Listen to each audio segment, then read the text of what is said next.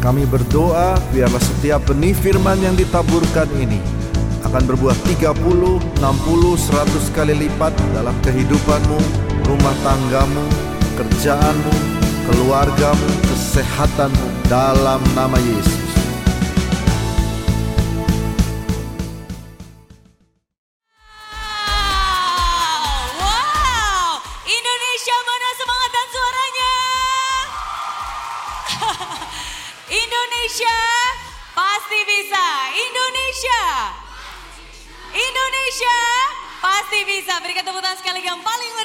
Semuanya. Thank you, thank you. Dan apa kabar? Luar biasa, baik. Bersyukur banget hari ini saya bisa hadir di sini untuk bertemu dan menyapa Anda semua. Dan karena kebesaran dan kemurahan hati Tuhanlah yang membuat kita semua bisa berkumpul hari ini di tempat ini. Amin. Amin, oke. Dan saya berdoa dan berharap semoga apa yang saya bagikan bisa menjadi kekuatan buat Anda semua, bisa membawa perubahan dalam hidup setiap dari Anda yang ada di sini dan tentunya bisa menyenangkan hati Tuhan. Amin.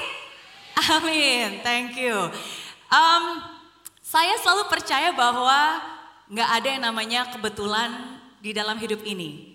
Dan saya selalu percaya setiap pertemuan yang Tuhan izinkan itu pasti punya makna. Termasuk juga hari ini. Tidak kebetulan kalian semua adalah orang-orang terpilih yang duduk di tempat ini. Kenapa? Karena bayangkan, dari begitu banyak pilihan yang bisa kalian lakukan di hari Sabtu siang, begitu banyak pilihan, begitu banyak godaan, tapi kalian memutuskan untuk hadir di sini. Dan menurut saya itu sesuatu yang luar biasa. Jadi beri tepuk tangan sekali lagi buat semuanya. thank you, thank you. Okay. Dan siapa yang udah nggak sabar ingin belajar lebih banyak lagi? Angkat tangan bilang saya. thank you ya, thank you. Nah untuk bisa memaksimalkan waktu yang kita punya, saya selalu bilang satu hal yang paling penting ya. Saya percaya yang namanya energi. Oke, semua bilang energi. Oke. Nah kenapa energi itu penting banget apalagi untuk anak-anak muda. Karena saya lihat dan saya dengar hari ini, ini didatangi dengan anak-anak muda yang luar biasa. Betul atau betul? Betul ya. And setiap kali saya berdiri di atas panggung, saya selalu percaya bahwa saya bukan hanya berbicara kepada satu atau dua orang saja, tapi saya berbicara kepada sebuah generasi yang akan menjadi penerus bangsa ini. Kenapa? Karena apalagi hari ini um, bukan hanya anak-anak mudanya juga ada orang tua dan saya selalu merasa uh, bersyukur banget untuk bisa khususnya berbicara di depan anak-anak muda karena anak-anak muda inilah yang nantinya suatu saat nanti juga akan menjadi orang tua dan hal yang sama yang mereka yakini, yang mereka imani itu juga akan mereka ajarkan kepada anak dan cucu mereka nantinya. Jadi itu hal yang saya sungguh-sungguh yakini. Dan energi itu penting banget. Ayo semua bilang energi. Thank you. Kenapa energi penting banget? Tapi sebenarnya saya tanya dulu nih, siapa dari kalian yang begitu bangun tadi pagi, rasanya semangat banget, udah gak sabar, pengen cepet-cepet hadir di acara ini? Wah, yang benar. Benar ya, oke. Tapi saya harap semangatnya juga bukan hanya hari ini aja, bukan hanya tanggal-tanggal tertentu aja, bukan karena sekarang lagi masa liburan juga, tapi harus setiap hari. Kenapa? Karena saya sungguh-sungguh percaya antara energi dan rejeki itu hubungannya erat banget antara si energi dan si rejeki. Jadi kalau energinya besar, nanti rezekinya pun juga besar. Tapi kalau energinya kecil melempem, nanti rezekinya pun juga kecil dan melempem. Nah, jadi siapa dari kalian di sini yang ingin mendapatkan rezeki yang lebih banyak lagi? Angkatan bilang saya. Ingin mendapatkan prestasi yang lebih banyak lagi? Ya, berarti harus semangat. Oke, semua angkat tangan kanan tinggi-tinggi. Tepuk pundak temannya sebelah kanan bilang, bro, bro, sisis. Yang semangat ya. Biar lebih banyak rezeki. Thank you. Tepuk tangan sekali lagi buat semuanya. Thank you. Ingat ya, energi itu penarik rejeki. Kalau energinya besar, rejekinya juga nanti besar, prestasinya juga besar. Oke, okay? amin. Nah, um, ada tanggal-tanggal di hidup ini yang mungkin tidak pernah kita lupakan. Ada yang tahu hari ini tanggal berapa? 10 bulan Juni tahun 2023. Nah, kalau saya ingin mengajak kalian semua ke beberapa tahun silam. Lebih tepatnya lagi ini tahun 2007. Tanggal 28 Januari tahun 2007 jam 8.46 pagi. Coba deh ingat-ingat. Kira-kira ingat gak ya lagi pada ngapain? Ayo. Udah pada lahir belum? Belum? Wow, luar biasa ya. Oke. Okay. Nah, karena 2007 tahun ini 2023 berarti sudah 16 tahun yang lalu ya.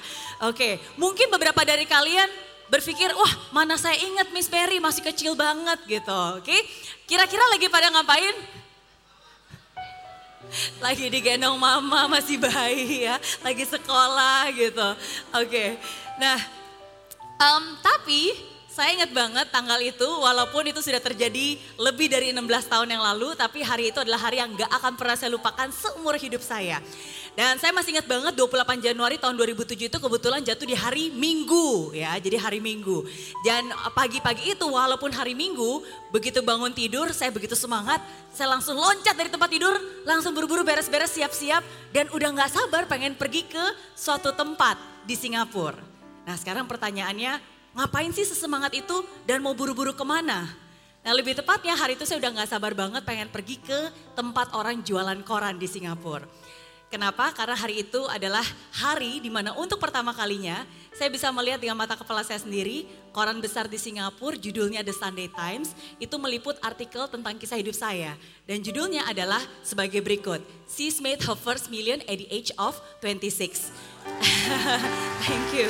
Jadi saya bersyukur saya bisa mendapatkan satu juta dolar pertama saya di usia 26 tahun.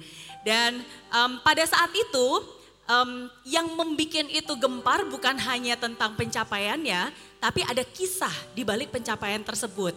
Nah maka dari itu dari sejak pemberitaannya di koran Singapura, akhirnya beritanya pun juga tersebar di beberapa negara tetangga. Jadi setelah koran Singapura, pada saat itu ini ada dari berita harian di koran Malaysia, ada juga, uh, ini ada yang bisa nebak kira-kira dari negara mana? Vietnam, betul. Yang bilang Thailand ini keseringan nonton film-film Thailand ya. Saudi Cup ya, Kabun Cup. Vietnam, Vietnam. Ada juga yang dari koran Mandarin di Singapura. Oke, dan akhirnya beritanya pun juga tersebar sampai ke Indonesia. Dan mungkin beberapa dari kalian pernah membaca artikelnya, baik itu di koran Kompas, Suara Pembaruan, majalah Femina, tabloid Nova, dan masih banyak lagi. Dan mungkin beberapa dari kalian juga sebelumnya pernah melihat saya di layar kaca. Uh, saya sempat diundang menjadi bintang tamu utama di acara Kick Andy Show, Hitam Putih, Bukan Empat Mata, TV One, Kompas TV, Net TV, Indosiar, SCTV, MNC, dan masih banyak lagi. Thank you. Nah, semua ini saya ceritakan kepada kalian semua bukan untuk menunjukkan betapa hebatnya Mary Riana, bukan. Tapi semua ini saya ceritakan kepada kalian semua untuk menunjukkan satu hal. Kebesaran Tuhan atas hidup saya itu sungguh-sungguh luar biasa. Tuhan telah mengubah hidup saya, Tuhan telah menolong saya dan Tuhan sendiri yang telah mengangkat saya. Dan Tuhan kita yang samalah yang akan juga menolong kalian semua, mengubah hidup kalian semua dan juga mengangkat kalian semua. Amin. Amin. Oke. Okay? Itu yang saya yakinin. Tidak ada yang tidak mungkin yang dia inginkan hanya kita berharap dan percaya. Um, mungkin banyak orang ketika mereka melihat artikel ini, biasanya mereka penasaran Kok bisa sih sukses usia muda, kok bisa sih dapat satu juta dolar di usia 26 tahun, kok bisa sih? Nah karena mereka penasaran dan mereka nggak punya kesempatan untuk bertemu langsung dengan saya, maka banyak sekali dari mereka mempunyai asumsi. Banyak dari mereka mempunyai apa? Asumsi. Dan asumsi terbanyak yang mereka punya adalah sebagai berikut. Karena mereka tahu saya orang Indonesia yang tinggal di Singapura, Ya saya memang berdomisili di Singapura, saya lulus kuliah di sana, saya memulai bisnis saya di sana. Dan bahkan kedua anak saya pun juga dua-duanya lahir di Singapura. ya Dan saya sudah tinggal di Singapura 16 tahun lamanya. Nah jadi ketika mereka tahu, wah orang Indonesia tinggal di Singapura, asumsinya cuma satu. Terang aja dia bisa sukses dan kaya raya di usia muda. Pasti dia berasal dari keluarga yang kaya raya. Pasti keluarganya kaya raya dimodalin bisnis makanya bisa sukses. Nah sekarang menurut kalian kira-kira asumsinya benar atau salah? Benar salah?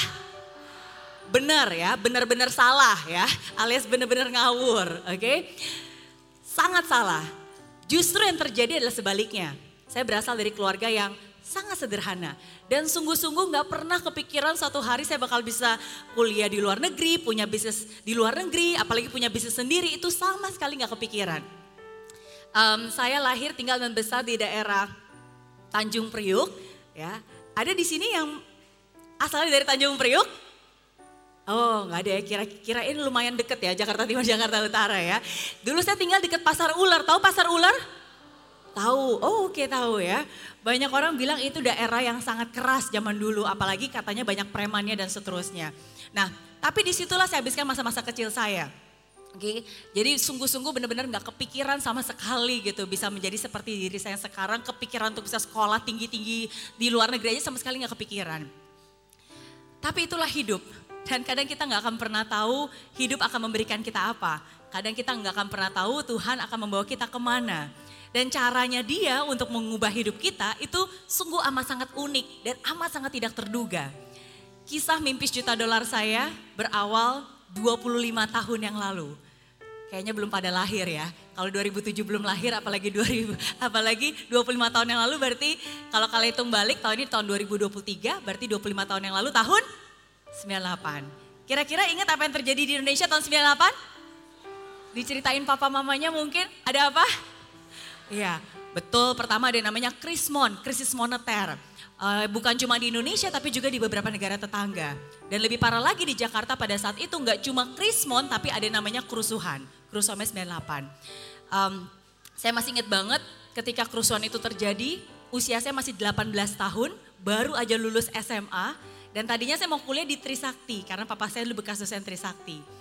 Tapi masih ingat banget baru pagi-pagi ambil formulir pendaftaran, tiba-tiba sorenya ada peristiwa penembakan mahasiswa Trisakti. Dan akhirnya dua minggu kemudian disusul oleh kerusuhan.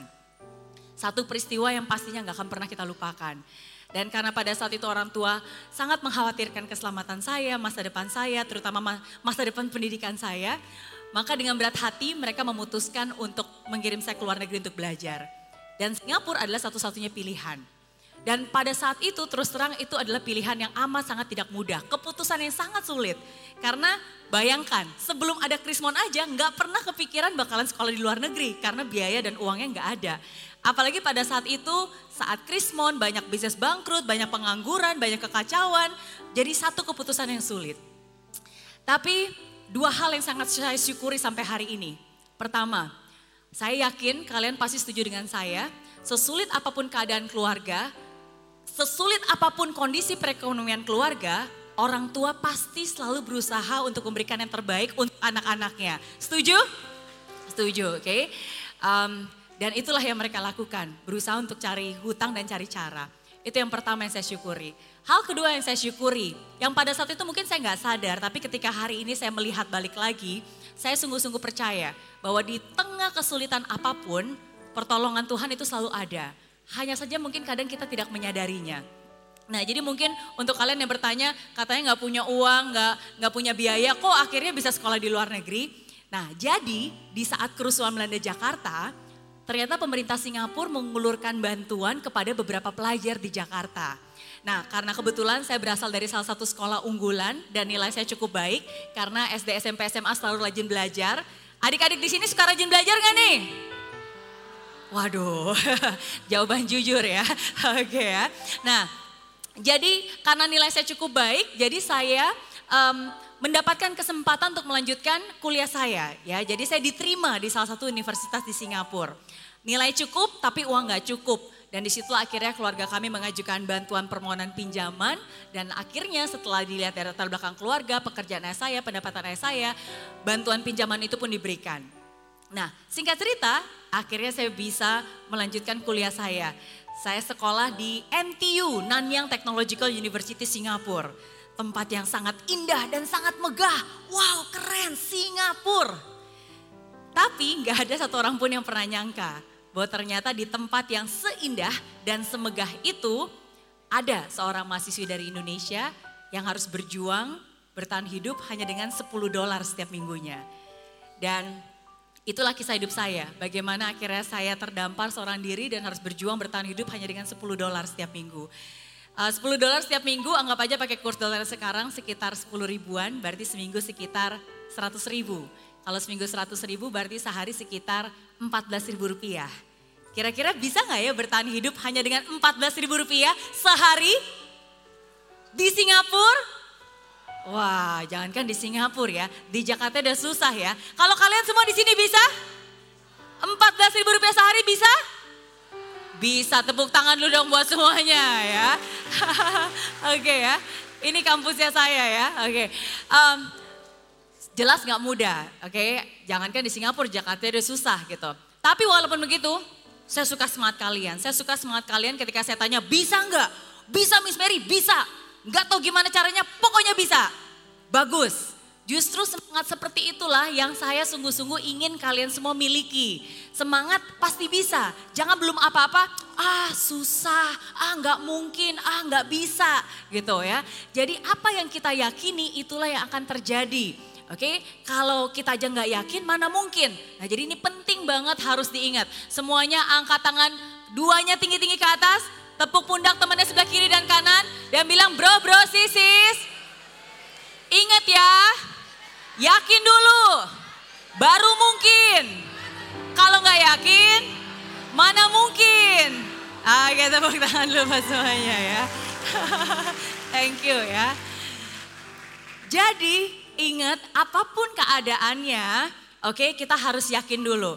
Karena hanya dengan kita yakin sebenarnya itu kita udah setengah menang. Oke okay, jangan belum apa, ah susah, ah nggak bisa, ah nggak mungkin, ah sudahlah gitu ya. No, yakin dulu baru nanti akan mungkin, oke? Okay? Nah, dan itu itulah yang saya lakukan, berusaha untuk bertahan hidup di tengah keterbatasan. Tentu saja nggak mudah, kadang-kadang saya puasa nggak makan, kadang-kadang saya keliling kampus cari makanan gratisan, kadang-kadang saya cuma makan mie instan doang. Itu dan dan teknik pengiritan yang paling efektif bagi saya pada saat itu adalah dengan membawa bekal ke kuliah. Dan bekalnya pun sederhana, saya taruh di kotak makan plastik dan isinya sepotong roti tawar. Um, dan saya masih ingat banget karena pada saat itu saya minder dan saya nggak pernah mau menunjukkan kesulitan saya gitu kepada orang-orang. Jadi setiap hari ketika selesai kuliah, teman-teman yang lain biasanya suka ngajakin saya, Mer kita ke kantin yuk kita makan siang bareng. Nah karena saya nggak punya uang bawa bekal, jadi saya bilang ntar aja deh gue nyusul gitu ya, padahal udah lapar banget. Dan akhirnya setelah teman-teman yang lain udah pada ke kantin, tempat kampus sudah lebih sepi dan di situlah akhirnya saya buka tas saya, saya keluarkan kotak makannya dan saya makan roti tawarnya. Nah kalau kalian bisa nebak kira-kira tempat mana ya yang paling sepi di seluruh kampus yang gak bakal pernah dilihat orang, kira-kira di mana? Di toilet, kok pada tahu? Ah, pengalaman pribadi ya. Oke ya. Pasti udah pernah nonton filmnya atau atau baca bukunya ya. Tapi nggak apa-apa. Kalau senasib sama Mary Riana nanti nasibnya juga kayak Mary Riana. Amin. Oke. Okay. Amin. Amin. Oke. Okay? Nah, dan itulah masa-masa yang selalu saya ingat.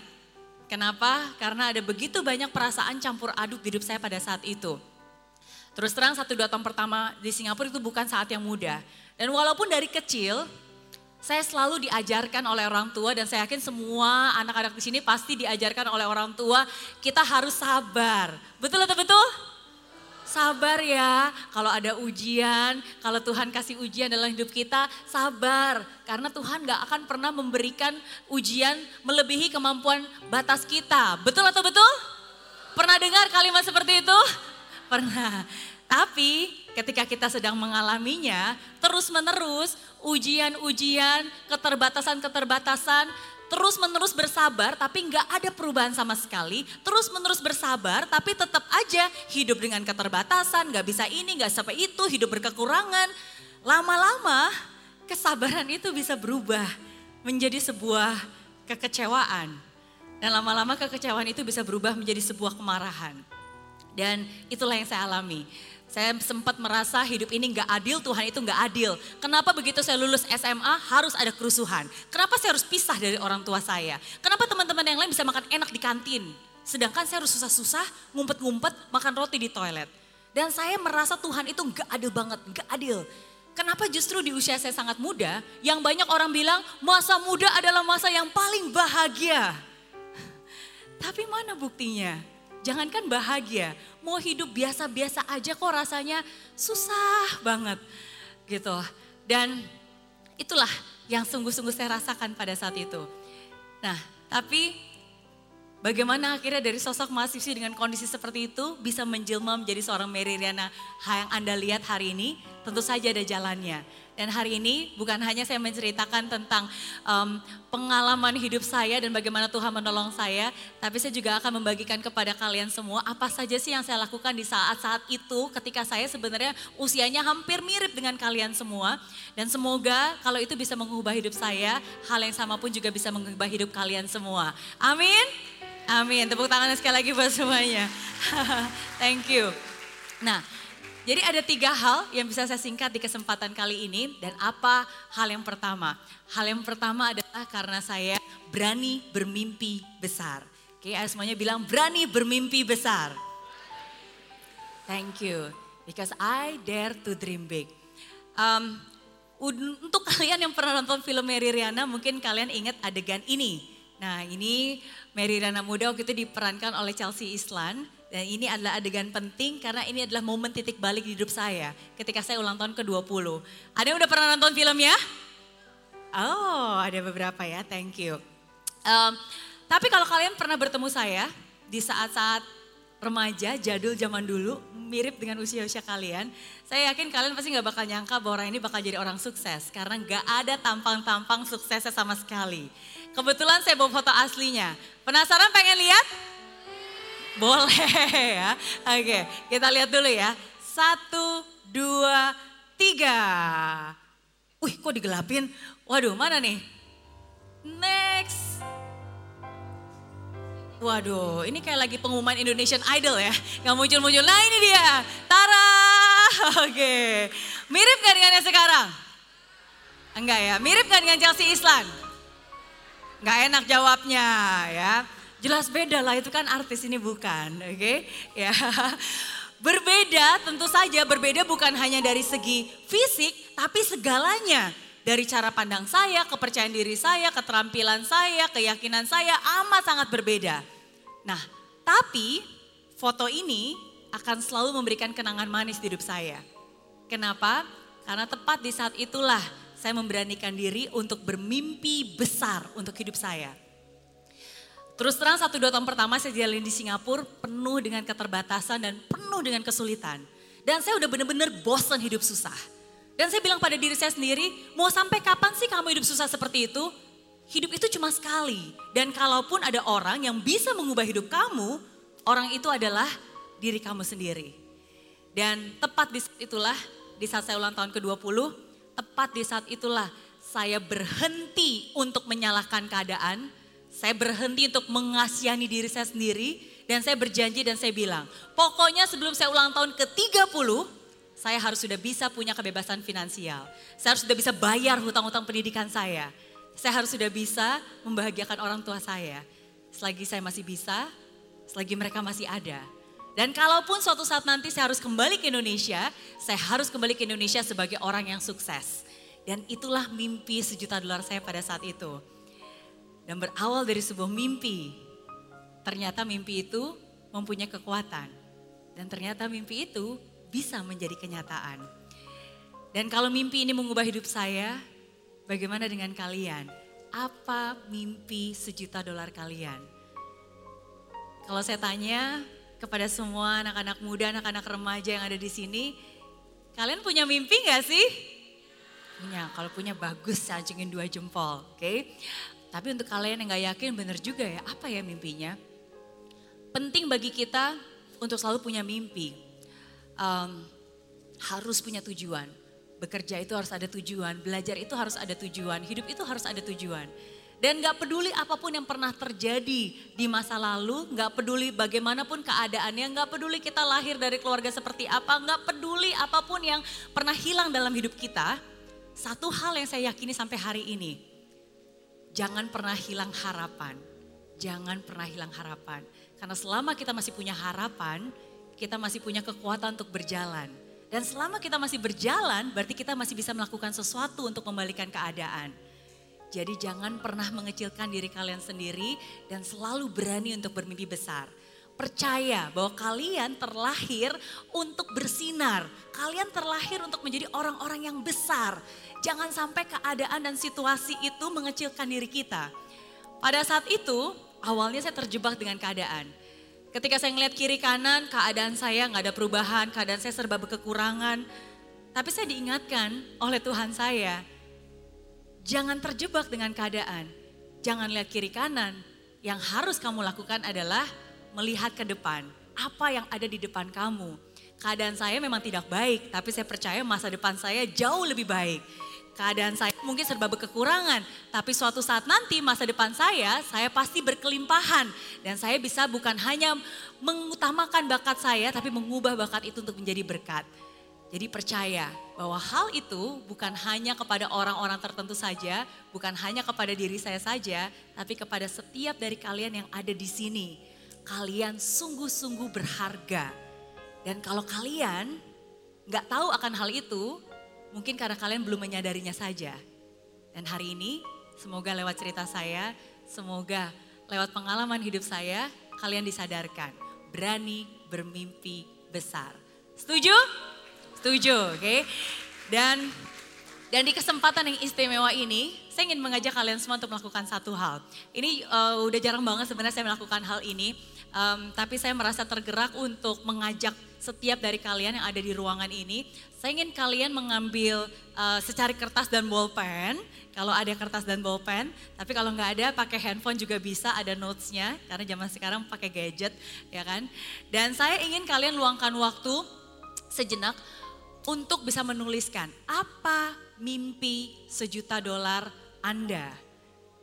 Apa satu hal yang sungguh-sungguh ingin kalian wujudkan? Ingat mimpi sejuta dolar itu nggak pakai logika, jadi jangan dihitung-hitung, ah karena saya bisanya gini ya udah mimpinya segini aja. Ah karena saya punyanya ini ya udah mimpinya segini aja. No, mimpi sejuta dolar itu nggak pakai logika, tapi pakai hati. Dari lubuk hati kalian yang paling dalam, apa satu hal yang sungguh-sungguh ingin kalian wujudkan, ingin kalian nantikan, yang kalian impikan. Dan saya selalu kasih analogi, anggap aja kertas notes baik itu bentuk digital maupun kertas tulisan biasa itu ada sebuah kertas ajaib yang apa pun yang kalian tulis di situ bisa menjadi kenyataan. Apa yang ingin kalian tuliskan di kertas itu? Oke, jadi saya luangkan waktu dua menit untuk kalian bisa menuliskan apa mimpi sejuta dolar Anda. Apa yang kamu yakini itu yang akan terjadi apa yang kamu imani, itulah yang juga akan terjadi. Apakah mimpinya ingin jadi dokter, jadi pengusaha, ingin sekolah di luar negeri, ingin punya bisnis sendiri, jadi fashion designer, jadi youtuber yang membawa berkat, apa pun itu. Apa mimpi sejuta dolar kalian. Oke, satu menit lagi. Ingat, bebaskan pikiran, jangan terbelenggu dengan keadaan, jangan terbatasi oleh keadaan. Anggap aja itu kertas ajaib dan Tuhan kasih kamu kesempatan untuk menuliskan apa pun yang kamu tuliskan itu bisa menjadi kenyataan. Apa yang ingin kamu tuliskan?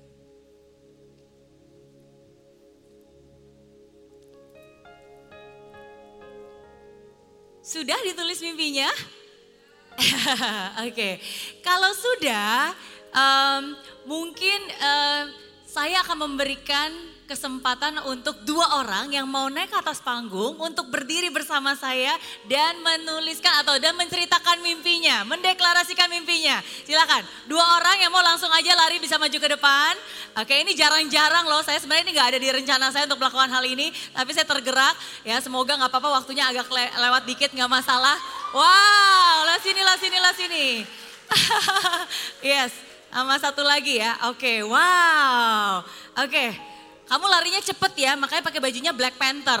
Wah, oke. Okay. Namanya siapa?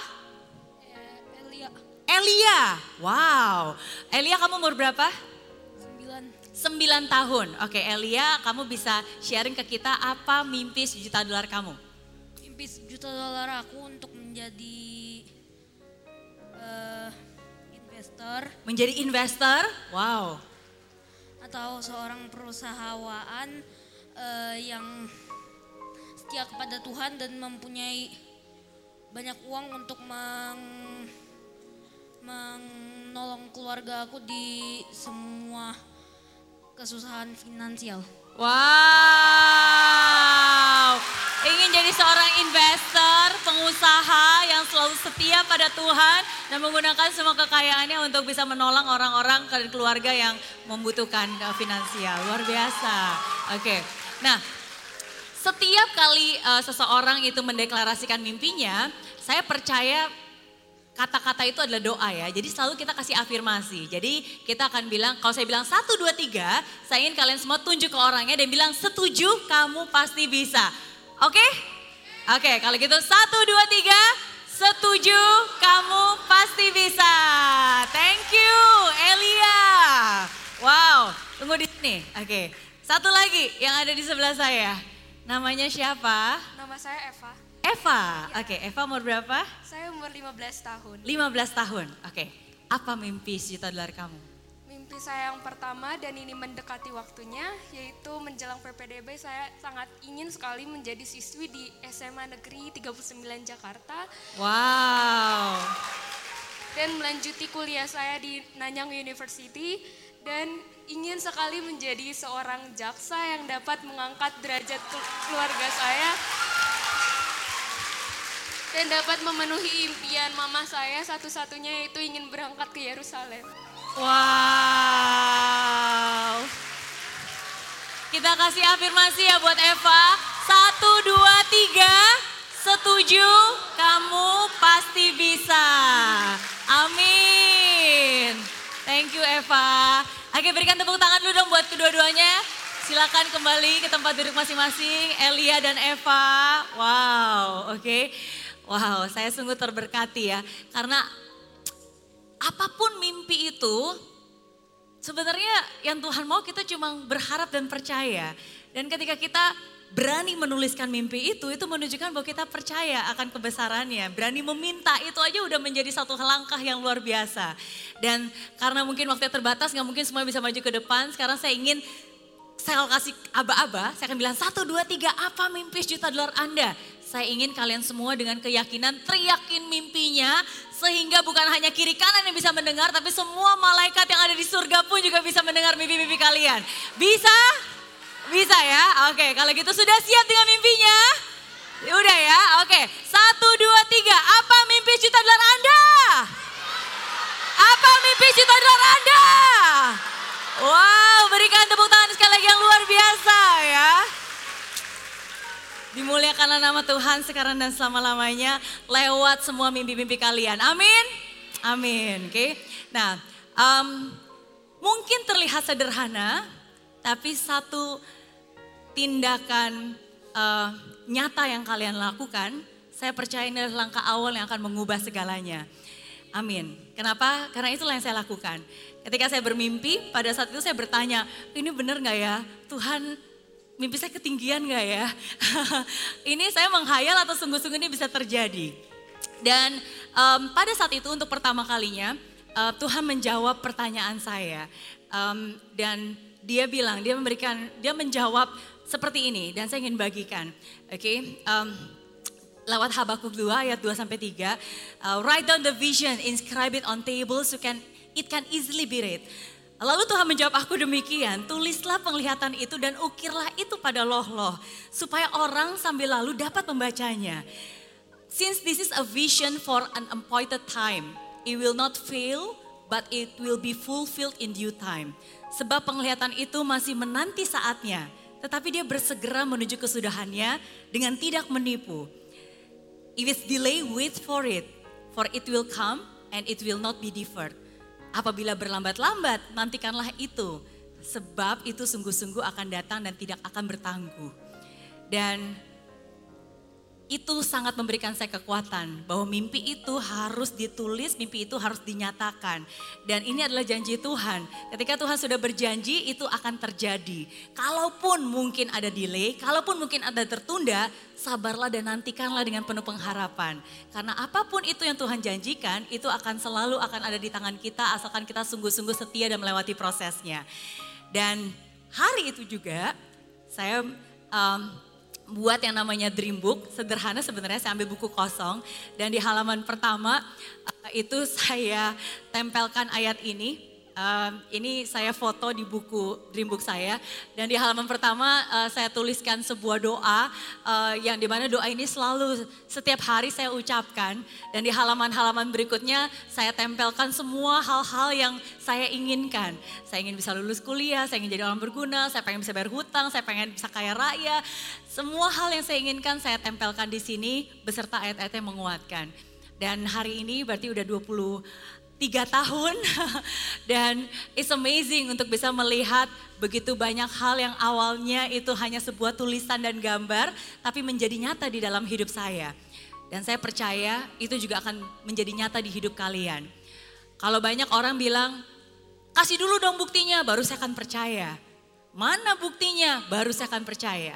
Saya bersyukur dari sejak kecil saya diajarkan percaya dulu baru kita akan melihat. Dan saya yakin hal yang sama. Ketika kalian mempercayai mimpi yang kalian tulis hari ini, percaya bahwa kalian juga akan melihatnya. Itu terjadi dalam hidup nyata kalian semua. Amin? Amin. Berikan tepuk tangan sekali lagi buat kalian semua. Thank you. Oke, okay? jadi berani bermimpi besar. Oke, okay?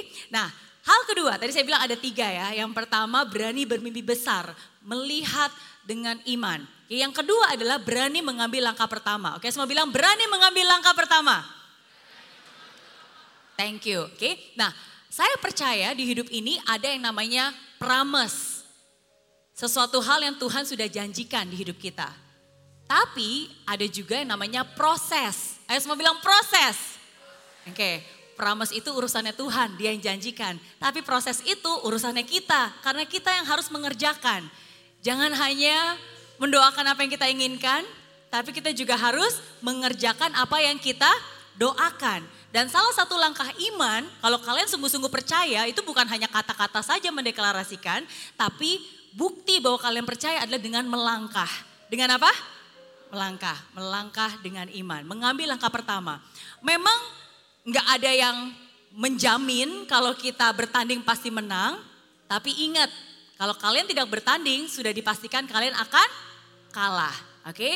So you just have to show up dan terus terus terus melakukan banyak hal dan terus mencoba dan terus mencoba. Nah sekarang saya tanya, ada harga yang harus dibayar untuk mencapai kesuksesan. Beranikah kalian membayar harga-harga itu berani? Kalau jalannya terang benderang seperti ini sih pasti berani. Kalau banyak yang ngasih semangat sih pasti berani. Betul? Tapi kan hidup tidak semudah itu Ferguson. Gak selamanya matahari akan selalu ada terang benderang. Gak selamanya orang akan selalu ada memberikan supportnya dan bilang kamu bisa. Yang sering kali terjadi adalah jalannya akan berubah seperti ini. Yang tadinya terang benderang tiba-tiba jadi gelap gulita. Badai tak berhenti. Yang tadinya memberikan support tiba-tiba orang malah menjauhi. Gak tahu ujungnya ke mana. Gak tahu akan ada siapa. Dan ketika jalan yang kalian temui di hadapan kalian bentuknya seperti ini dan keadaannya seperti ini. Pertanyaannya masih beranikah kalian melangkah untuk mengejar mimpi-mimpi itu, masih beranikah? Semoga jawabannya masih. Satu video dulu yang ingin saya putarkan sebelum saya lanjut lagi dengan ceritanya. Um, videonya singkat namun sangat berarti. Bisa saya putarkan dulu videonya? Bisa ya, kita lihat dulu video berikut ini.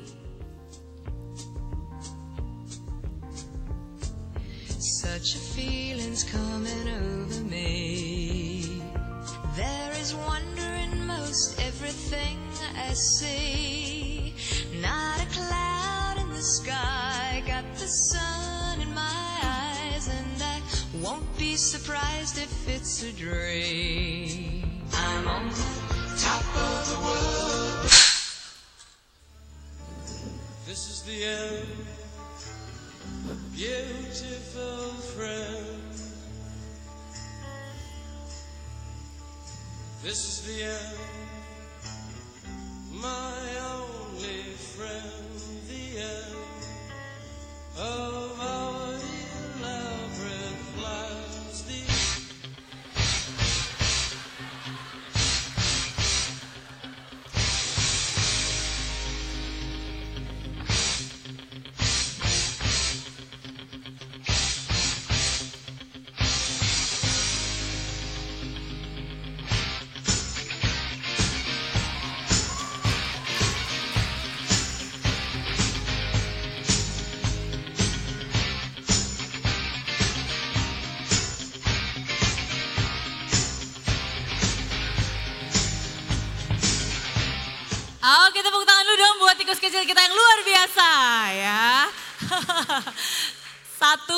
moral dari video tadi, selama nafas masih di kandung badan, teruslah berjuang, teruslah berusaha karena pasti masih ada kesempatan. Kalau kalian benar-benar serius banget pengen sukses, coba sekarang saya tanya, siapa dari kalian di sini yang serius banget pengen sukses? Angkat tangan bilang saya. Wah, kalau kalian sungguh-sungguh, benar-benar serius banget pengen sukses, ingat kalian harus jadi orang-orang yang kuat, yang tangguh. Jangan jadi orang cengeng. Jangan jadi orang cengeng yang baru ditolak sedikit aja. Aduh, sakit hatinya berminggu-minggu, berbulan-bulan, bertahun-tahun ya. Baperan, langsung update di sosmed mana-mana. Oke. Jangan jadi orang cengeng yang baru ditegur mama dikit aja, ditegur guru dikit aja langsung ngambek. Bolos seminggu. Nah, di sini siapa yang suka ngambek? Nggak ada ya. Jangan jadi orang cengeng yang baru ada kesulitan dikit langsung menyerah, langsung putus asa. No, harus jadi pribadi-pribadi yang kuat. Kuatkan pikiran, isi dengan hal-hal positif, optimis. Optimis itu bukan hanya mengharapkan yang terbaik, tapi optimis itu bisa melihat yang baik, apa pun keadaannya. Itu optimis. Kuatkan hati, jangan mudah menyerah. Kuatkan iman, Apa pun kepercayaan kita, katakanlah selalu Tuhan dalam kehidupan kita sehari-hari. Karena manusianya bisa berusaha, tapi Tuhanlah yang menentukan. Dan saya percaya kalau tikus ini aja cuma ada keju dikit aja bisa membuat dia kuat. Apalagi kita karena di dalam tubuh kita kan ada roh kudus, ada Tuhan yang selalu menjaga kita. Dan itu akan menguatkan kita dalam perjalanan kita mengejar mimpi-mimpi kita. Setuju? Setuju ya. Jadi percaya dan jalani prosesnya. Ingat semua punya tugasnya masing-masing. Tugasnya Tuhan menyediakan janjinya. Tugasnya kita menjalani prosesnya. Lakukan. Karena itu adalah bentuk bahwa kita percaya. Dan itulah akhirnya saya lakukan. Um, kalau tadi saya cerita berawal dari sebuah mimpi. Terus gimana dong akhirnya bisa dapat satu juta dolar? Bisa saya lanjutkan lagi ceritanya? Bisa ya, oke. Okay. Nah, berawal dari sebuah mimpi pada saat itu umur saya 20 tahun, masih kuliah tingkat 2 semester 3. Dan terus terang nih pada saat itu saya masih nggak tahu harus ngapain, saya masih nggak tahu harus mulai dari mana, saya bahkan masih nggak tahu gimana ya caranya saya bisa mewujudkan mimpi-mimpi itu, sama sekali nggak kepikiran. Tapi saya sadar satu hal, saya sadar kalau saya sungguh-sungguh ingin mengubah hidup saya, bertahan aja nggak cukup, saya harus berjuang. Tahu bedanya bertahan dan berjuang?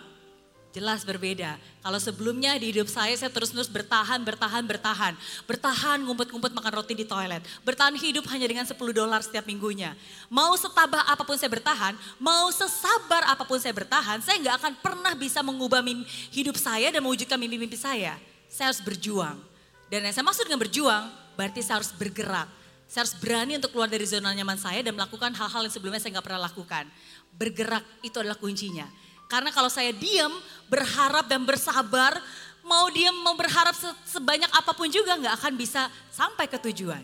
Dan di situlah akhirnya saya memutuskan untuk mencari pekerjaan. Dan saya nggak mau nunggu sampai saya kelar kuliah baru bisa melakukan sesuatu. Apa pun yang saya bisa kerjakan pada saat itu saya kerjakan dengan sungguh-sungguh. Oke, okay? nah tapi lagi-lagi namanya juga hidup. Bukan berarti begitu kita punya mimpi, kita punya keyakinan, terus tiba-tiba semua jadi gampang. Enggak ya, hidup nggak semudah itu.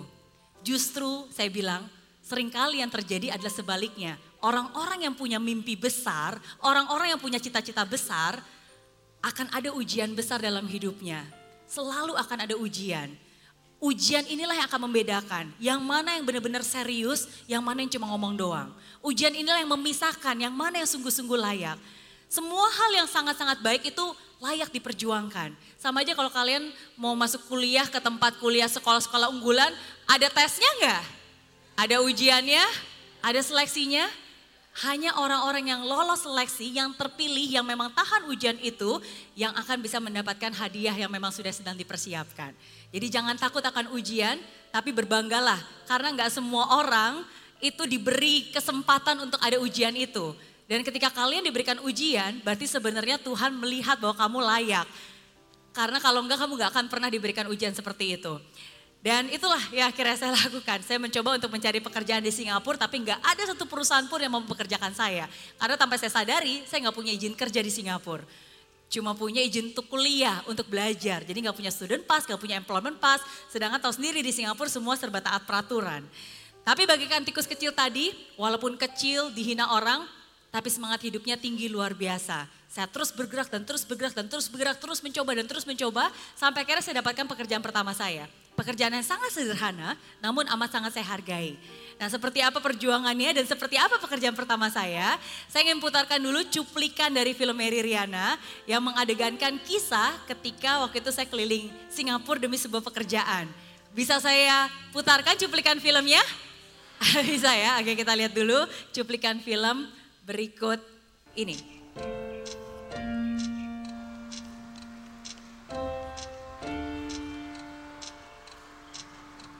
Sejuta wajah-wajah waktu bagai diputar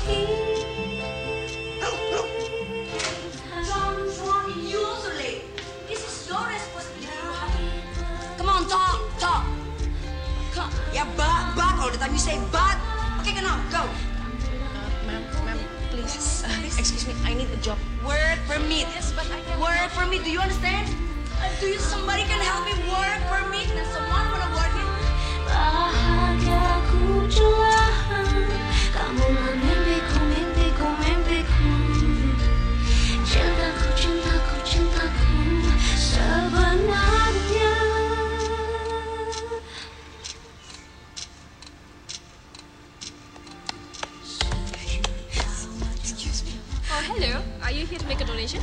No, I need a job. A job? Are you sure you want to work here? Yes, yes, yes, yes. yes. Like them? Yeah, it's okay. It's okay. But we're a non-profit organization. We don't pay very much. It's okay. I'll take it. I'll, I'll, just, I'll take it. Okay, do you have a work permit? I don't have a work permit. Are you a student? Yes. Miss, then hiring you would be illegal. Ma'am, please, ma'am, please, please. I really, really need the job. Sorry, ma'am. please, ma'am, please. This job is not just about giving out brochures. We actually need people to make a donation. Yeah, then I can do it for you. I can, Miss, do it. Miss, hey, Miss,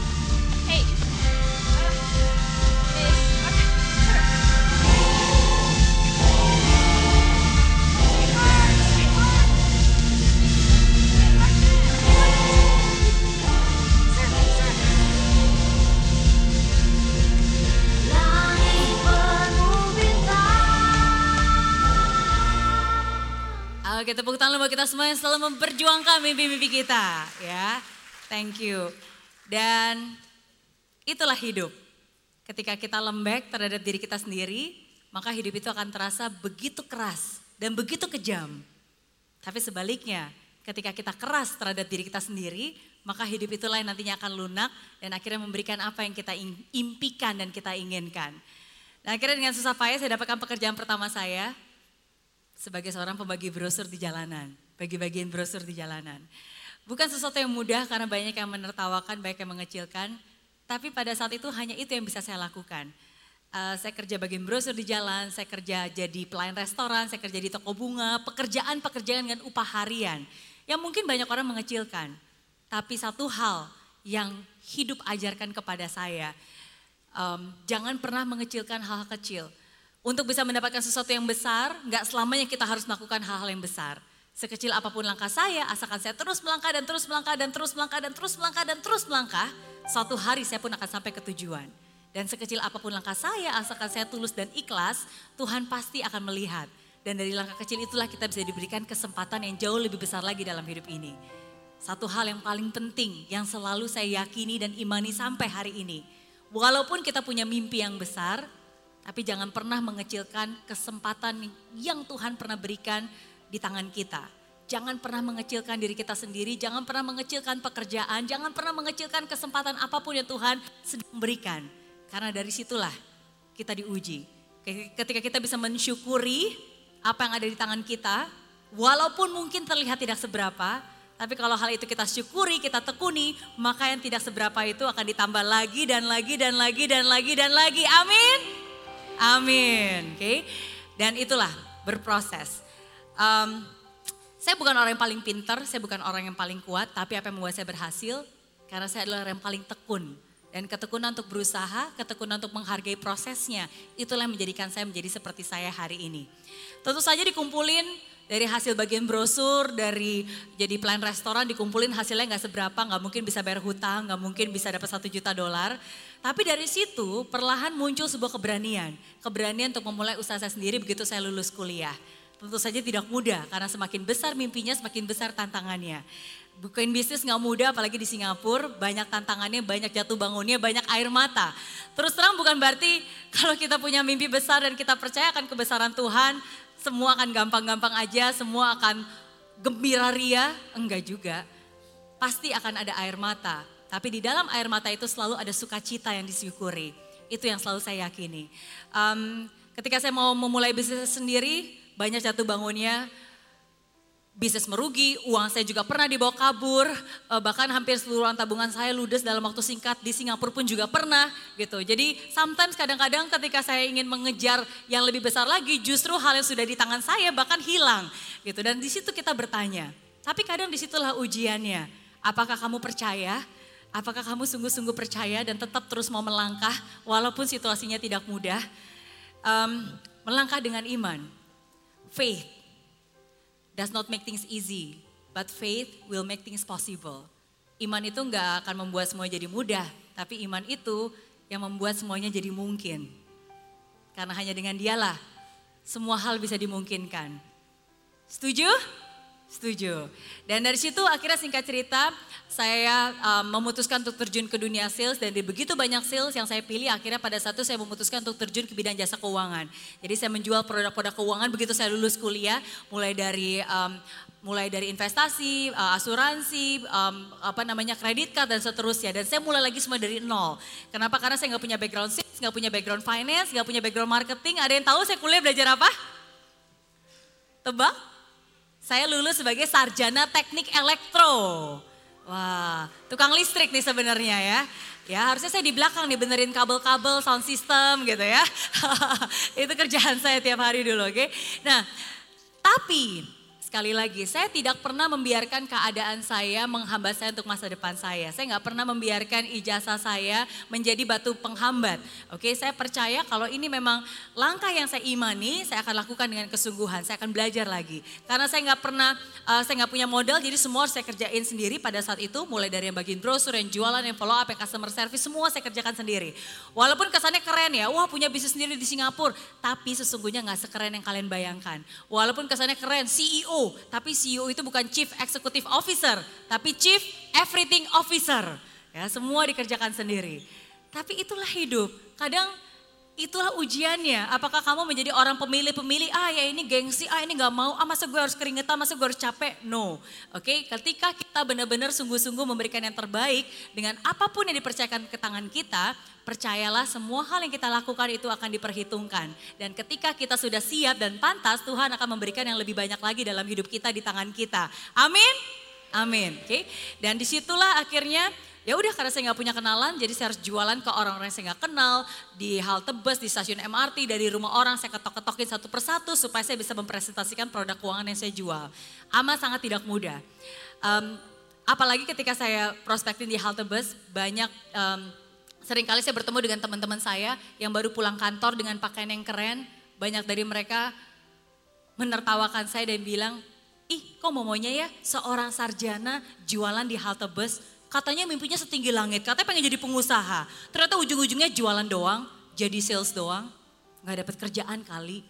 Wah, kadang-kadang kata-kata itu jauh lebih menyakitkan. Betul atau betul? Betul. Ya tapi hidup kan memang seperti itu. Hidup itu kan Tuhan yang ngasih, kita yang jalanin, orang lain yang komentarin. Betul atau betul? Tuh, udah gitu ngapain juga dipikirin. Dan saya bersyukur kerasnya hidup membuat saya menjadi wanita tangguh. Saya nggak pernah sekalipun uh, membiarkan kata-kata orang lain menjatuhkan mimpi saya, apalagi menjatuhkan harga diri saya. Dan saya harap setiap dari kalian yang ada di sini juga melakukan hal yang sama. Jangan pernah biarkan kata-kata orang lain menjatuhkan mimpi-mimpi kalian, apalagi menjatuhkan harga diri kalian.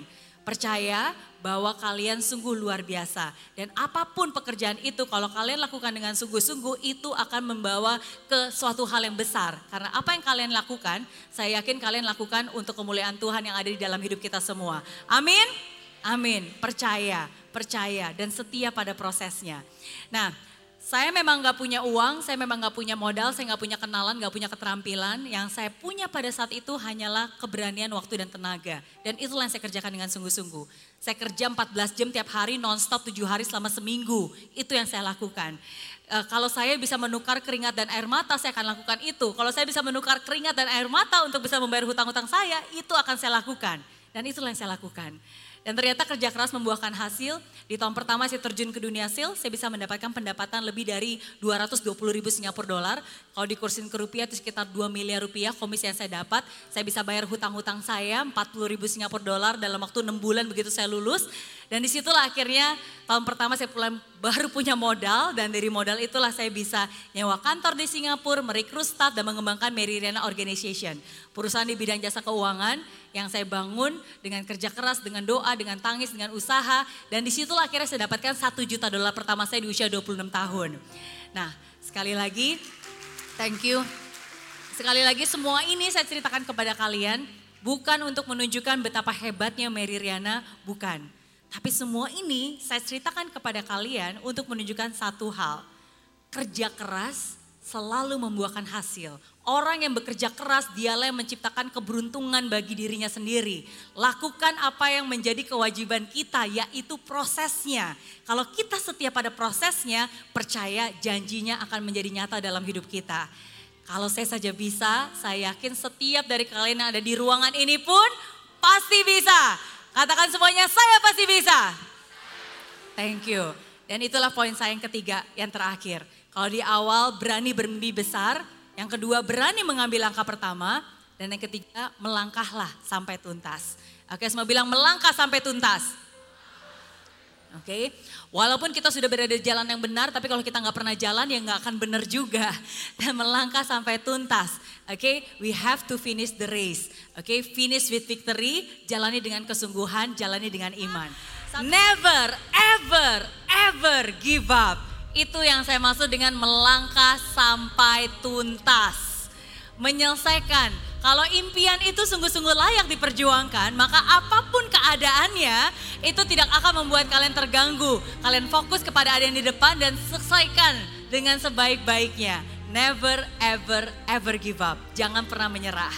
Kalau tadi kalian semua sudah menuliskan mimpi-mimpi itu, kalian sudah mendeklarasikan mimpi itu. Sekarang pertanyaannya, seberapa yakinkah kalian terhadap mimpi-mimpi itu? Apakah kalian percaya bahwa itu sungguh-sungguh bisa terjadi nyata dalam hidup kalian? Oke, nah ingat, di dalam hidup ini akan ada banyak orang yang akan menertawakan kalian, akan banyak orang yang mungkin akan meremehkan kalian, akan ada banyak orang yang mungkin berpikir, ah ngapain juga punya mimpi tinggi-tinggi, nggak mungkin lah terjadi. Kamu kan nasibnya cuma sebisa ini aja dan seterusnya dan seterusnya. Dan hari ini saya ingin bilang kepada kalian semua, kamu pasti bisa. Kalian pasti bisa. Kamu pasti bisa. Dan saya ingin kalian semua ingat akan kata-kata itu. Saya pasti bisa. Oke. Ketika semua orang meremehkan, ingat dan buktikan kepada mereka Jangan pernah biarkan kata-kata itu menjatuhkan mimpi kalian, apalagi menjatuhkan harga diri kalian. Buktikan kepada mereka bahwa kalian luar biasa. Buktikan kepada mereka bahwa kalian bukan hanya seorang pemimpi, tapi kalian punya iman dan keyakinan yang tinggi untuk bisa mewujudkan semua itu di dalam hidup kalian. Percaya, ingat, ingat, pertanyaannya adalah apakah kalian bisa? Dan jawabannya adalah saya pasti bisa. Semua katakan saya pasti bisa. Saya pasti bisa. Apakah kalian bisa? Saya pasti bisa. Apakah kalian bisa? Saya pasti bisa. Di dalam perjalanan menuju kesuksesan akan ada tantangan, rintangan, godaan, celaan, hujatan. Dan ketika kalian menemui semua itu, kalian akan terjatuh. Ketika kalian terjatuh, kalian akan terinjak-injak. Dan di saat kalian terjatuh dan terinjak-injak, tidak ada satu orang pun yang bisa menolong kalian kecuali diri kalian sendiri. Dan di saat itulah saya ingin kalian semua ingat, gagal, bangkit lagi, gagal, bangkit lagi, gagal, bangkit lagi, gagal, bangkit lagi, gagal, bangkit lagi. Apakah kalian bisa? Saya pasti bisa. Apakah kalian bisa? Saya pasti bisa. Percaya akan janjinya, lakukan prosesnya dengan setia sampai tuntas. Itulah tugas yang harus kalian lakukan. Dan sekarang saya ingin mengajak kalian semua untuk bersama-sama bangkit berdiri sejenak. Dan saya ingin kalian semua katakan ini bersama-sama dengan kesungguhan setelah saya. Saya percaya saya bisa. Mencapai impian saya bisa. Mengambil tindakan saya bisa. Bangkit dari kegagalan saya bisa. Saya bisa dengan doa. Saya bisa dengan usaha. Saya harus bisa untuk keluarga bangsa dan negara. Saya pasti bisa. Saya pasti bisa. Terakhir, saya pasti bisa. Oke, berikan tepuk tangan sekali lagi pada semuanya. Terima kasih dan silakan duduk kembali. Oke ya, saya pasti bisa. Semuanya angkat tangan tinggi-tinggi. Tepuk pundak kiri kanan bilang bro bro sisis. Hidup itu jangan banyak protes. Tapi harus berproses. Oke, thank you tepuk tangan ya. Jangan banyak protes ya. Proses jalani itu tugas kita. The process itu tugas kita. Oke, the promise itu tugasnya dia. Oke. Nah, dan itulah tiga hal. Masih ingat yang pertama? Berani bermimpi besar. Yang kedua, berani mengambil langkah pertama. Dan yang ketiga, melangkah sampai tuntas. Oke, thank you sudah mengingat. Dan di dalam semua prosesnya, ingat satu hal terakhir yang ingin sampai saya sampaikan kepada kalian, bukan hanya kalian harus bisa melihat dengan mata iman, berani bermimpi besar, bukan hanya kalian harus melangkah dengan iman sampai tuntas, tapi juga kalian harus berkata-kata dengan iman. Kalau ada pepatah yang bilang mulutmu adalah harimaumu. Pernah dengar kalimat itu? Saya percaya mulutmu adalah berkatmu. Jadi jagalah ucapanmu. Apa yang kalian ucapkan setiap hari itu yang sungguh-sungguh akan terjadi. Di dalam proses perjalanan ini akan banyak kiri kanan, akan banyak keadaan yang mungkin kelihatannya jauh dari sempurna. Yang mungkin membuat kalian ah kayaknya nggak bisa, nggak mungkin. Tapi ingat, apa yang kalian ucapkan itu yang akan terjadi. Ya, jaga hati, jaga ucapan. Bersyukurlah dengan apa yang Tuhan sudah titipkan. Dan saya selalu percaya bahwa rezeki itu datang, gak selamanya selalu datang terbungkus dengan kain sutra yang indah. Tapi rezeki itu datang kadang-kadang terbungkus oleh sebuah musibah. Sebuah koran bekas yang diartikan sebagai sebuah musibah. Coba sekarang saya tanya, kalau tahun 98 gak ada kerusuhan, mungkin gak saya bakal bisa kuliah di Singapura? Enggak. Kalau saya nggak kuliah di Singapura, mungkin gak saya bakal punya hutang ratusan juta dengan pemerintah Singapura? Enggak. Kalau saya nggak punya hutang ratusan juta dengan pemerintah Singapura, mungkin gak akhirnya saya bisa berani bermimpi, berjuang, dan akhirnya menjadi seperti saya sekarang ini? Enggak. Jadi kalian lihat sendiri, sesuatu yang awalnya terlihat seperti sebuah musibah, ternyata itu bukan musibah, tapi sebuah anugerah. Sesuatu yang awalnya terlihat seperti sebuah bencana, ternyata itu bukan bencana. Itu adalah sebuah rencana. Dan saya percaya bukan hanya itu saja. Kalau kalian lihat video tadi, masih ingat video bocah kecil yang pengen dapat tanda tangan Amitabh Bachchan? Masih ingat? Masih membekas ya, membekas, oke? Okay? Coba perhatikan baik-baik. Bagi banyak orang, ngelihat bocah kecil itu, dia pikir, ih sial banget nih orang. sial deh. Gara-gara disengin kakaknya akhirnya harus berlumuran kotoran seperti itu. Sial deh, kasihan deh. Tapi coba diingat-ingat lagi. Kalau dia nggak diisengin sama kakaknya dan kalau dia nggak berlumuran kotoran seperti itu, mungkin nggak dengan mudahnya dia bisa melewati penduduk, bodyguard dan bisa langsung dapat tanda tangan Amitabh Bachchan? Mungkin nggak akan semudah itu. Jadi lagi-lagi sebuah hal yang mungkin dunia ini bilang ini adalah sebuah kesialan, tapi kalau kita sungguh-sungguh meyakini itu bukan kesialan. Itu adalah sebuah perubahan anugerah yang memang Tuhan sedang persiapkan untuk kita semua. Jadi percaya pada prosesnya, jaga perkataan dan imani. Dan saya sangat bersyukur bahwa walaupun tidak mudah, tapi kasih dan penyertaan Tuhan selalu nyata dalam hidup saya. Um, saya bukan orang yang paling pintar, saya juga bukan orang yang paling kuat atau paling tangguh. Tapi saya sungguh-sungguh ada di sini karena kebesaran dan kemuliaan Tuhanlah yang selalu menyertai hati saya. Di saat saya hampir menyerah, dialah yang selalu mengirimkan orang-orang untuk bisa memberikan saya pengharapan, untuk memberikan saya kekuatan. Dan itulah yang menjadikan saya menjadi seperti saya sekarang hari ini.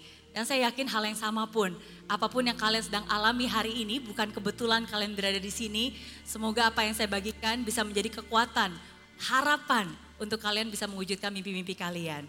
Dan akhirnya, um, siapa yang nyangka sebuah air mata bisa menjadi sebuah film kisah nyata. Video saya terakhir, video trailer dari film Mary Riana, semoga bisa memberkati dan bisa memberikan kekuatan pada kalian semua bahwa itu bukan bencana, tapi itulah sebuah rencana. Thank you. I will fight till the end and never give up. Saya akan selalu berjuang dan tidak pernah menyerah. Dan saya sangat mengapresiasi juga kehadiran kalian semua di sini. Ya, maka dari itu ada sebuah buku yang ingin saya bagikan juga untuk kalian gratis. Wah, kalau gratis aja semangat ya. Nggak disuruh tepuk tangan, tepuk tangan sendiri ya.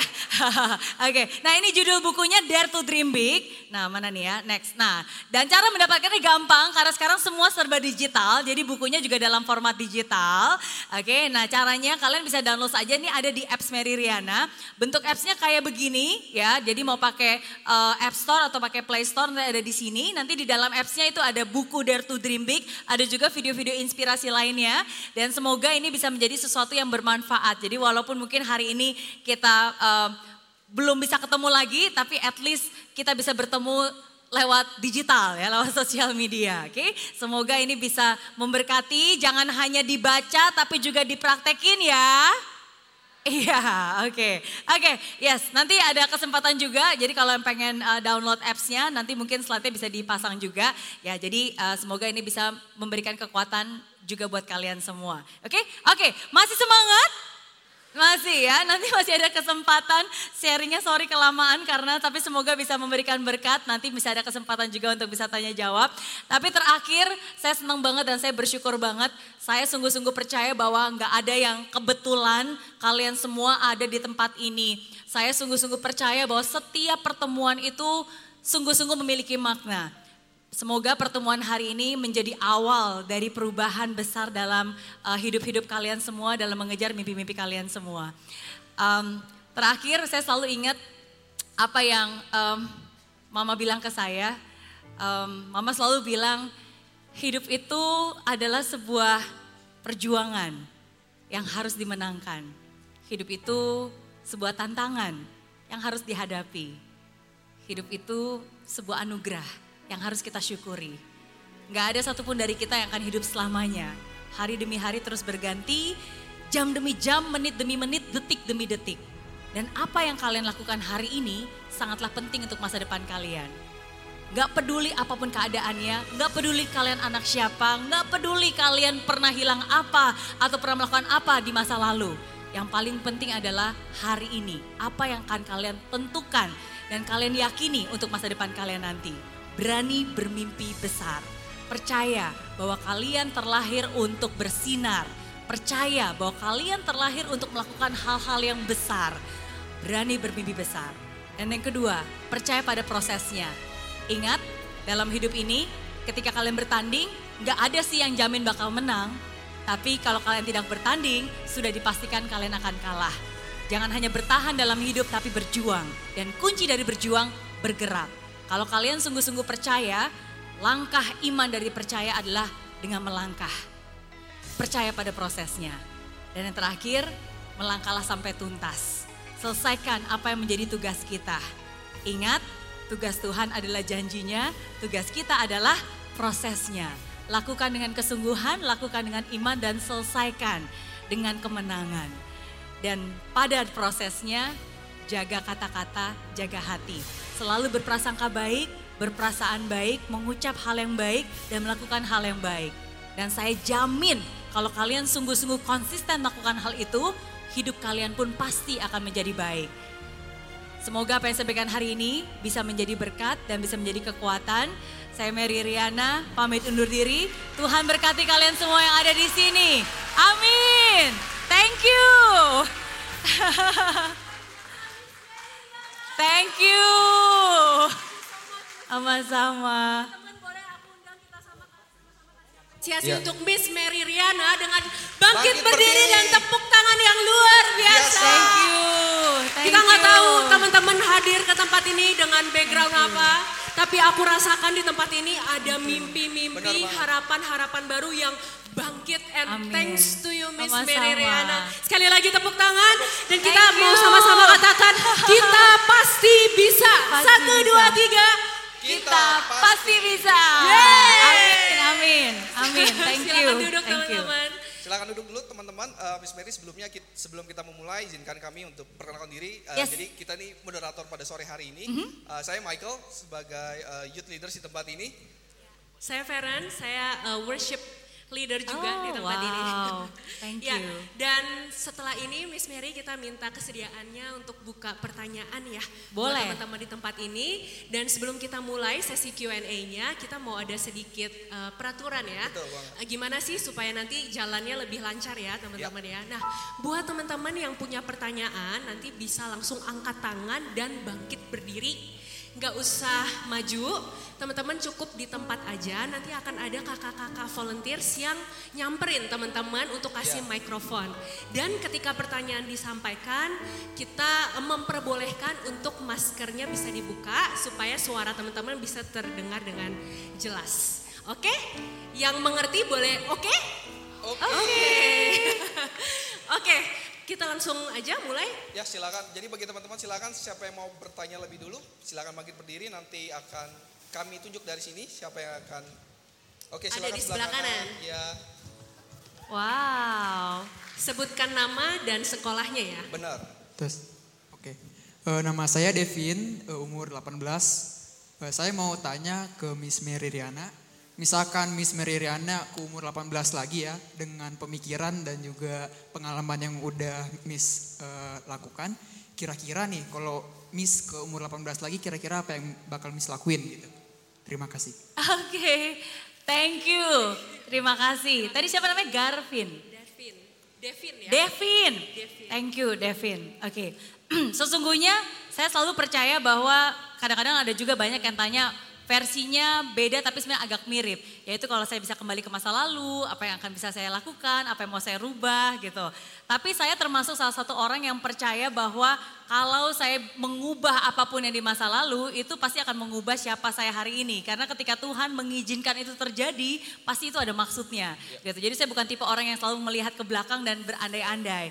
Em, tapi izinkan saya menjawab, kalau misalnya di usia saya 18 tahun dan saya sudah melihat apa yang Tuhan tunjukkan kepada saya gitu kan? Dan dengan mindset yang seperti ini apa yang akan saya lakukan pada saat itu saya nggak akan galau lama-lama ketika saya susah. Saya tidak akan banyak bertanya kepada Tuhan.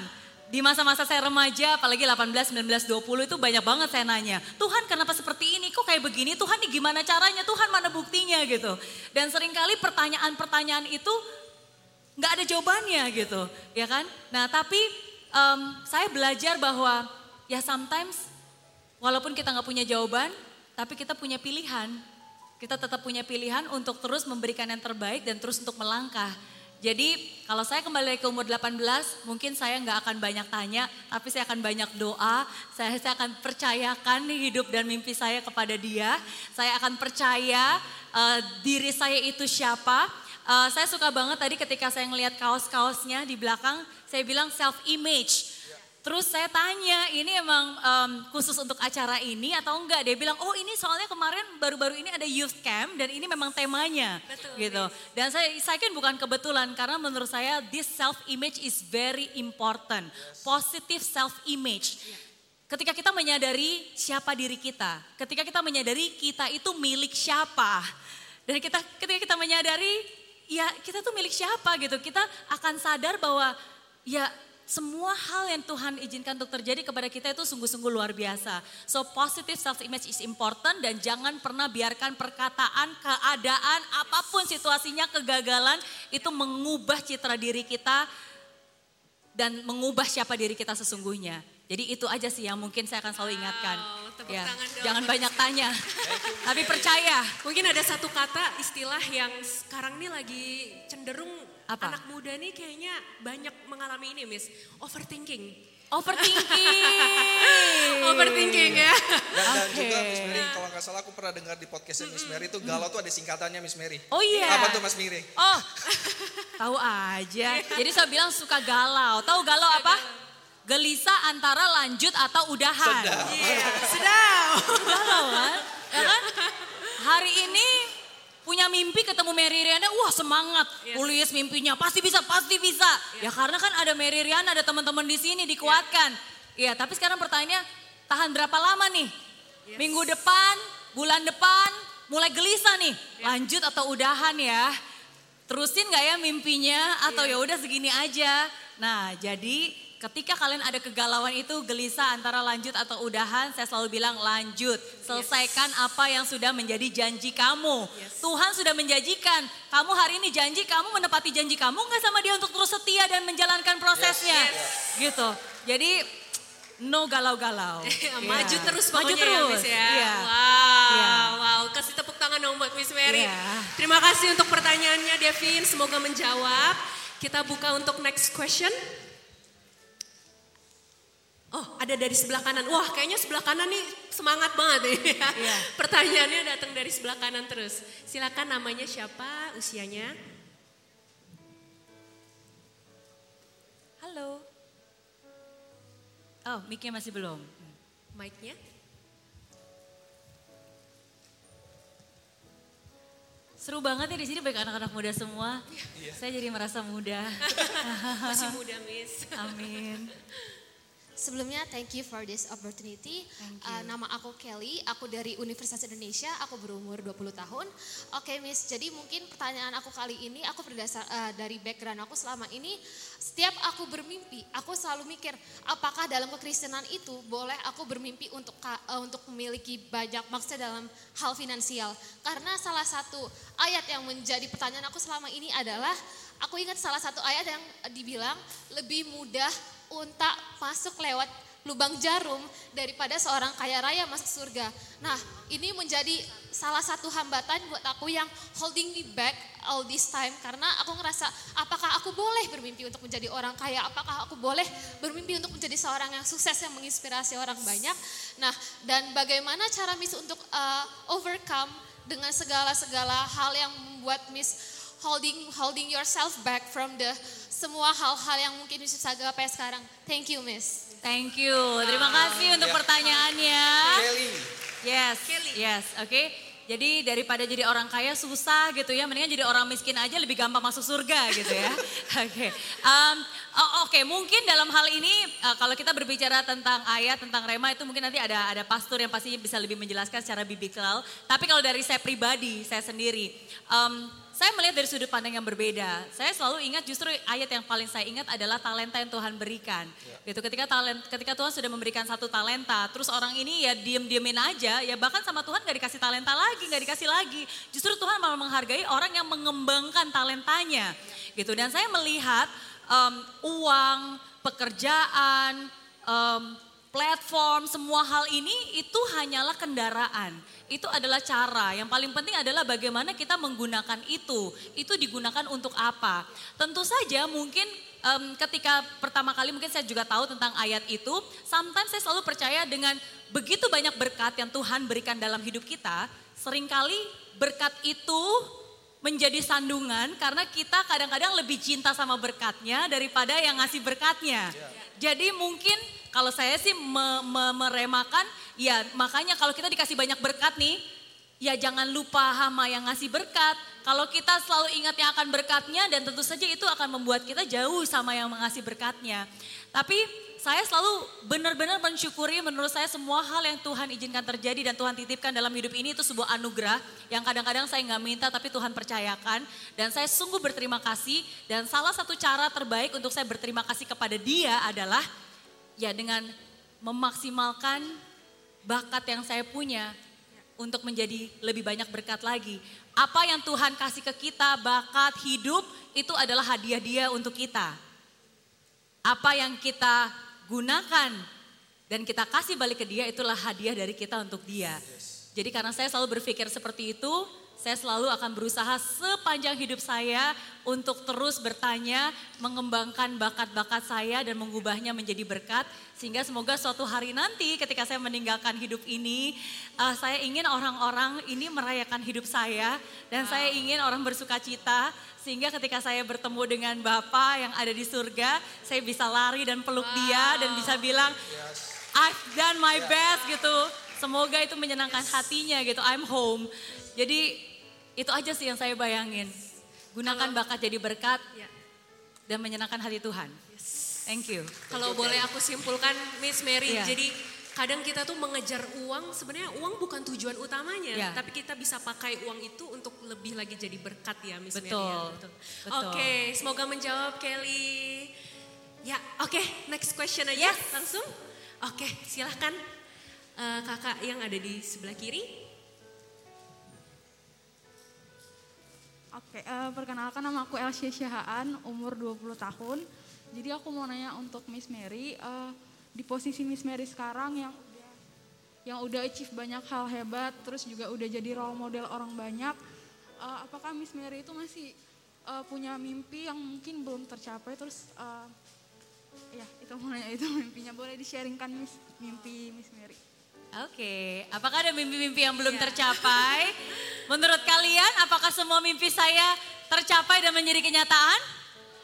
Iya, eh, enggak. Ya, ada mimpi-mimpi juga yang tidak tercapai gitu. Ada masih banyak lagi mimpi-mimpi saya ke depannya gitu ya. Saya benar-benar pengen melihat anak saya juga berhasil lulus jadi sarjana, punya anak cucu, bisa main sama mereka. Saya pengen punya rumah yang besar gitu kan dan, dan seterusnya. Jadi ada banyak mimpi-mimpi yang sebenarnya eh, pengen ingin saya wujudkan juga. Dan ada banyak juga beberapa cita-cita yang mungkin belum terwujud atau tidak terwujud. Nah, tapi em, mungkin saya jelasin dikit ya. Makanya di hidup saya, em, makanya kita harus bisa membedakan ada yang namanya purpose, ada yang namanya goal, ada yang namanya meaning. Oke, dan kita harus punya em, hikmat dan kecerdasan untuk membedakan antara keduanya. Em, purpose atau tujuan hidup. Eh, saya bersyukur 15 tahun yang lalu eh, di tahun 2008 untuk pertama kalinya saya menuliskan apa yang menjadi purpose hidup saya. Tentu saja itu bukan proses yang mudah ya karena bertahun-tahun saya benar-benar discerning dan saya akhirnya menuliskan itu. Dan saya tuliskan dan sampai hari ini belum berubah. Saya bilang the purpose of my life is to be significant as God's living miracle. Enjoying every single moment of my miraculous life with my loved one and to testify my blessed life story to the world as a gift of love for myself and others. Dan saya bilang pokoknya tujuan hidup saya, saya ingin menjadi orang yang besar. Bukan untuk menunjukkan kebesaran saya, tapi untuk menunjukkan kebesaran Tuhan atas hidup saya. Karena saya sungguh-sungguh percaya bahwa hidup saya ini bagaikan sebuah mukjizat. Saya merasa bahwa saya itu seperti kayak mukjizat berjalan gitu. Dan saya harus menjadi orang yang besar apa pun pilihan profesi saya. Um, dan saya harus bisa menikmati, saya ingin bisa menikmati prosesnya bersama orang-orang yang saya cintai. And to testify my blessed life story dan menceritakan perjalanan dan pengalaman itu sebagai bentuk cinta kasih dan pengingat untuk diri saya sendiri atas begitu banyak kasihnya untuk dari dia dan sebagai bentuk cinta kasih dan penguatan kepada orang-orang yang mendengarkan. Itu purpose hidup saya yang saya tulis 15 tahun yang lalu di tahun 2008. Nah, Selain purpose, setiap 10 tahun saya selalu punya mimpi-mimpi. Ini dimulai dari ulang tahun ke-20. Pada satu secara nggak sengaja saya bilang pokoknya sebelum saya ulang tahun ke-30 saya punya mimpi ini. Saya pengen punya kebebasan finansial, jadi orang sukses dan seterusnya dan itu terwujud. Nah di usia saya 30 saya juga punya mimpi lagi pada saat itu. Saya bilang saya nggak pengen hanya punya berjuta-juta dolar, saya ingin bisa menciptakan dampak positif terhadap jutaan orang khususnya di Indonesia. Dan dari mimpi itulah yang akhirnya perlahan demi perlahan mulai membawa saya ke sini dan akhirnya meninggalkan sesuatu yang sudah sangat-sangat-sangat baik di Singapura untuk memulai sesuatu yang baru di sini. Tapi lihat bagaimana dampak dan bagaimana rencana Tuhan begitu indah. Di ulang tahun yang ke-40 saya punya mimpi lagi. Mimpi saya, saya ingin bisa menciptakan dampak positif dari Indonesia untuk dunia. Di ulang tahun ke-50 nantinya saya pasti punya mimpi lagi. Jadi saya akan punya goal-goal setiap 10 tahun. Kenapa? Karena goal itu akan membuat saya belajar dan mengupgrade diri saya untuk bisa mencapai goal itu. Nah, ada goal-goal yang tidak tercapai? Ada. Ada beberapa mimpi-mimpi yang tidak tercapai pasti dalam prosesnya ada. Tapi jangan lupa meaning yang terakhir. Walaupun goal kita tidak tercapai, walaupun beberapa mimpi kita belum terwujud, but you can still have a meaningful life. Tapi hidup kalian tuh tetap berarti. Jadi menurut saya jangan melihat bahwa mimpi itu sebagai sebuah tujuan yang kalau tidak tercapai berarti hidup saya tidak berarti. No, you can still have a meaningful life. Dengan kalian hidup aja itu sebenarnya sudah sangat-sangat berarti gitu. Jadi jadi itu sih biasanya tiga hal yang saya selalu lakukan, punya garis besar tujuannya. Dari situ saya akan turunin dengan mimpi-mimpi setiap 10 tahun. Tapi dalam prosesnya yang tidak tercapai is okay. Karena itu salah satu doa saya kok. Saya bilang kalau ini mau kamu ya jadikan tapi kalau nggak mau ya batalkan. Jadi kalau banyak hal yang batal ya mungkin karena rencana dia lebih indah daripada apa yang sudah saya rencanakan. Semoga menjawab pertanyaan. Wow, thank super you. Wow, thank you so much. Teman-teman, uh, karena waktu kita minta maaf banget, kita akan open untuk one last question lagi. Satu lagi. ya. Satu lagi aja. Oke, yang paling depan. Oh, dari Youth Internal sendiri Papua. Iya. Silakan Papua. Dari JCC Youth. Hai Miss Mary, nama aku Papua, aku dari SMP 179, umur aku 12. Aku mau tanya, Miss Mary kan dulu katanya pinter, pastinya Miss Mary kan rajin belajar. Eh, aku mau tanya gimana cara supaya kita tekun belajar dan kita bisa menyampingkan distraction-distraction. Kayak sekarang kan banyak screen time atau nonton film, jadi aku eh, penasaran aja gimana cara menyampingkan semua distraction itu. Oke, you. thank you ya. Makanya harus ikut Mary Riana Learning Center. ya. Di situ diajarin. Iya, Oke, bercanda ya. Oke, jadi of course namanya juga remaja ya pasti kadang-kadang banyak distractionnya, pengennya banyak mainnya. Dan saya pun juga pernah berada di, di tahap-tahap itu. Walaupun mungkin kalau zaman saya dulu belum ada sosial media, belum ada uh, TikTokan segala macam. Tapi tetap aja ada distraction. Oke, nah jadi cara saya adalah em, pertama saya selalu um, never take things for granted gitu. Jadi saya selalu tahu banget bahwa setiap kali saya sekolah, setiap kali saya melakukan sesuatu, itu sebenarnya ada orang-orang yang sudah berkorban untuk membuat saya bisa melakukan hal ini gitu. Jadi maksudnya itu bukan suatu hal yang gratis gitu kan. Um, dan saya selalu percaya apa yang saya lakukan hari ini itu pasti akan menentukan masa depan. Jadi saya selalu berpikir bahwa ya udah nggak apa-apa saya harus rajin belajar karena suatu saat nanti ini akan menjadi bekal pertanggungjawaban saya. Nah cara untuk bisa uh, disiplinnya itu seperti apa? Oke kuncinya adalah disiplin. Kuncinya apa? Disiplin. Disiplin. Nah disiplin itu ya berarti kalian harus tentukan target. Misalnya sehari kamu mau belajar berapa jam atau enggak kamu harus menyelesaikan apa dulu. Itu selesai baru kamu pegang sosial media. Kalau itu belum selesai apa pun itu gak akan pernah melakukan hal yang lain dulu. Jadi kamu harus sendiri punya target, harus punya tujuan dan harus menetapkan dan harus janji gitu. Nah disiplin itu ada prosesnya. Pengen tahu caranya disiplin? Mau. Tahu ya, caranya disiplin. Pertama itu harus dipaksa. Harus di apa? Paksa. Paksa ya, dipaksa dulu baru bisa, baru terbiasa. Nah, jadi di awal emang pasti di awal nih, wah akan susah banget nih. Tapi nggak apa-apa, kamu harus paksa. Ini kan udah janji, harus paksa, paksa, paksa, paksa terus gitu untuk bisa disiplin. Kamu disiplin mau mau belajar sehari berapa jam gitu, harus menyelesaikan apa? Paksa dulu. Nah, nanti lama-lama jadi bisa, lama-lama jadi terbiasa. Jadi itu sih terpaksa. Ya memang seperti itu, tapi kita didisiplinkan. Yes. Iya. Oke. Gimana Thank you, Papua? Thank you, Sudah semoga menjawab pertanyaan. Thank you, thank you so much Miss Mary. Iya. Teman-teman tepuk tangan buat teman-teman semuanya.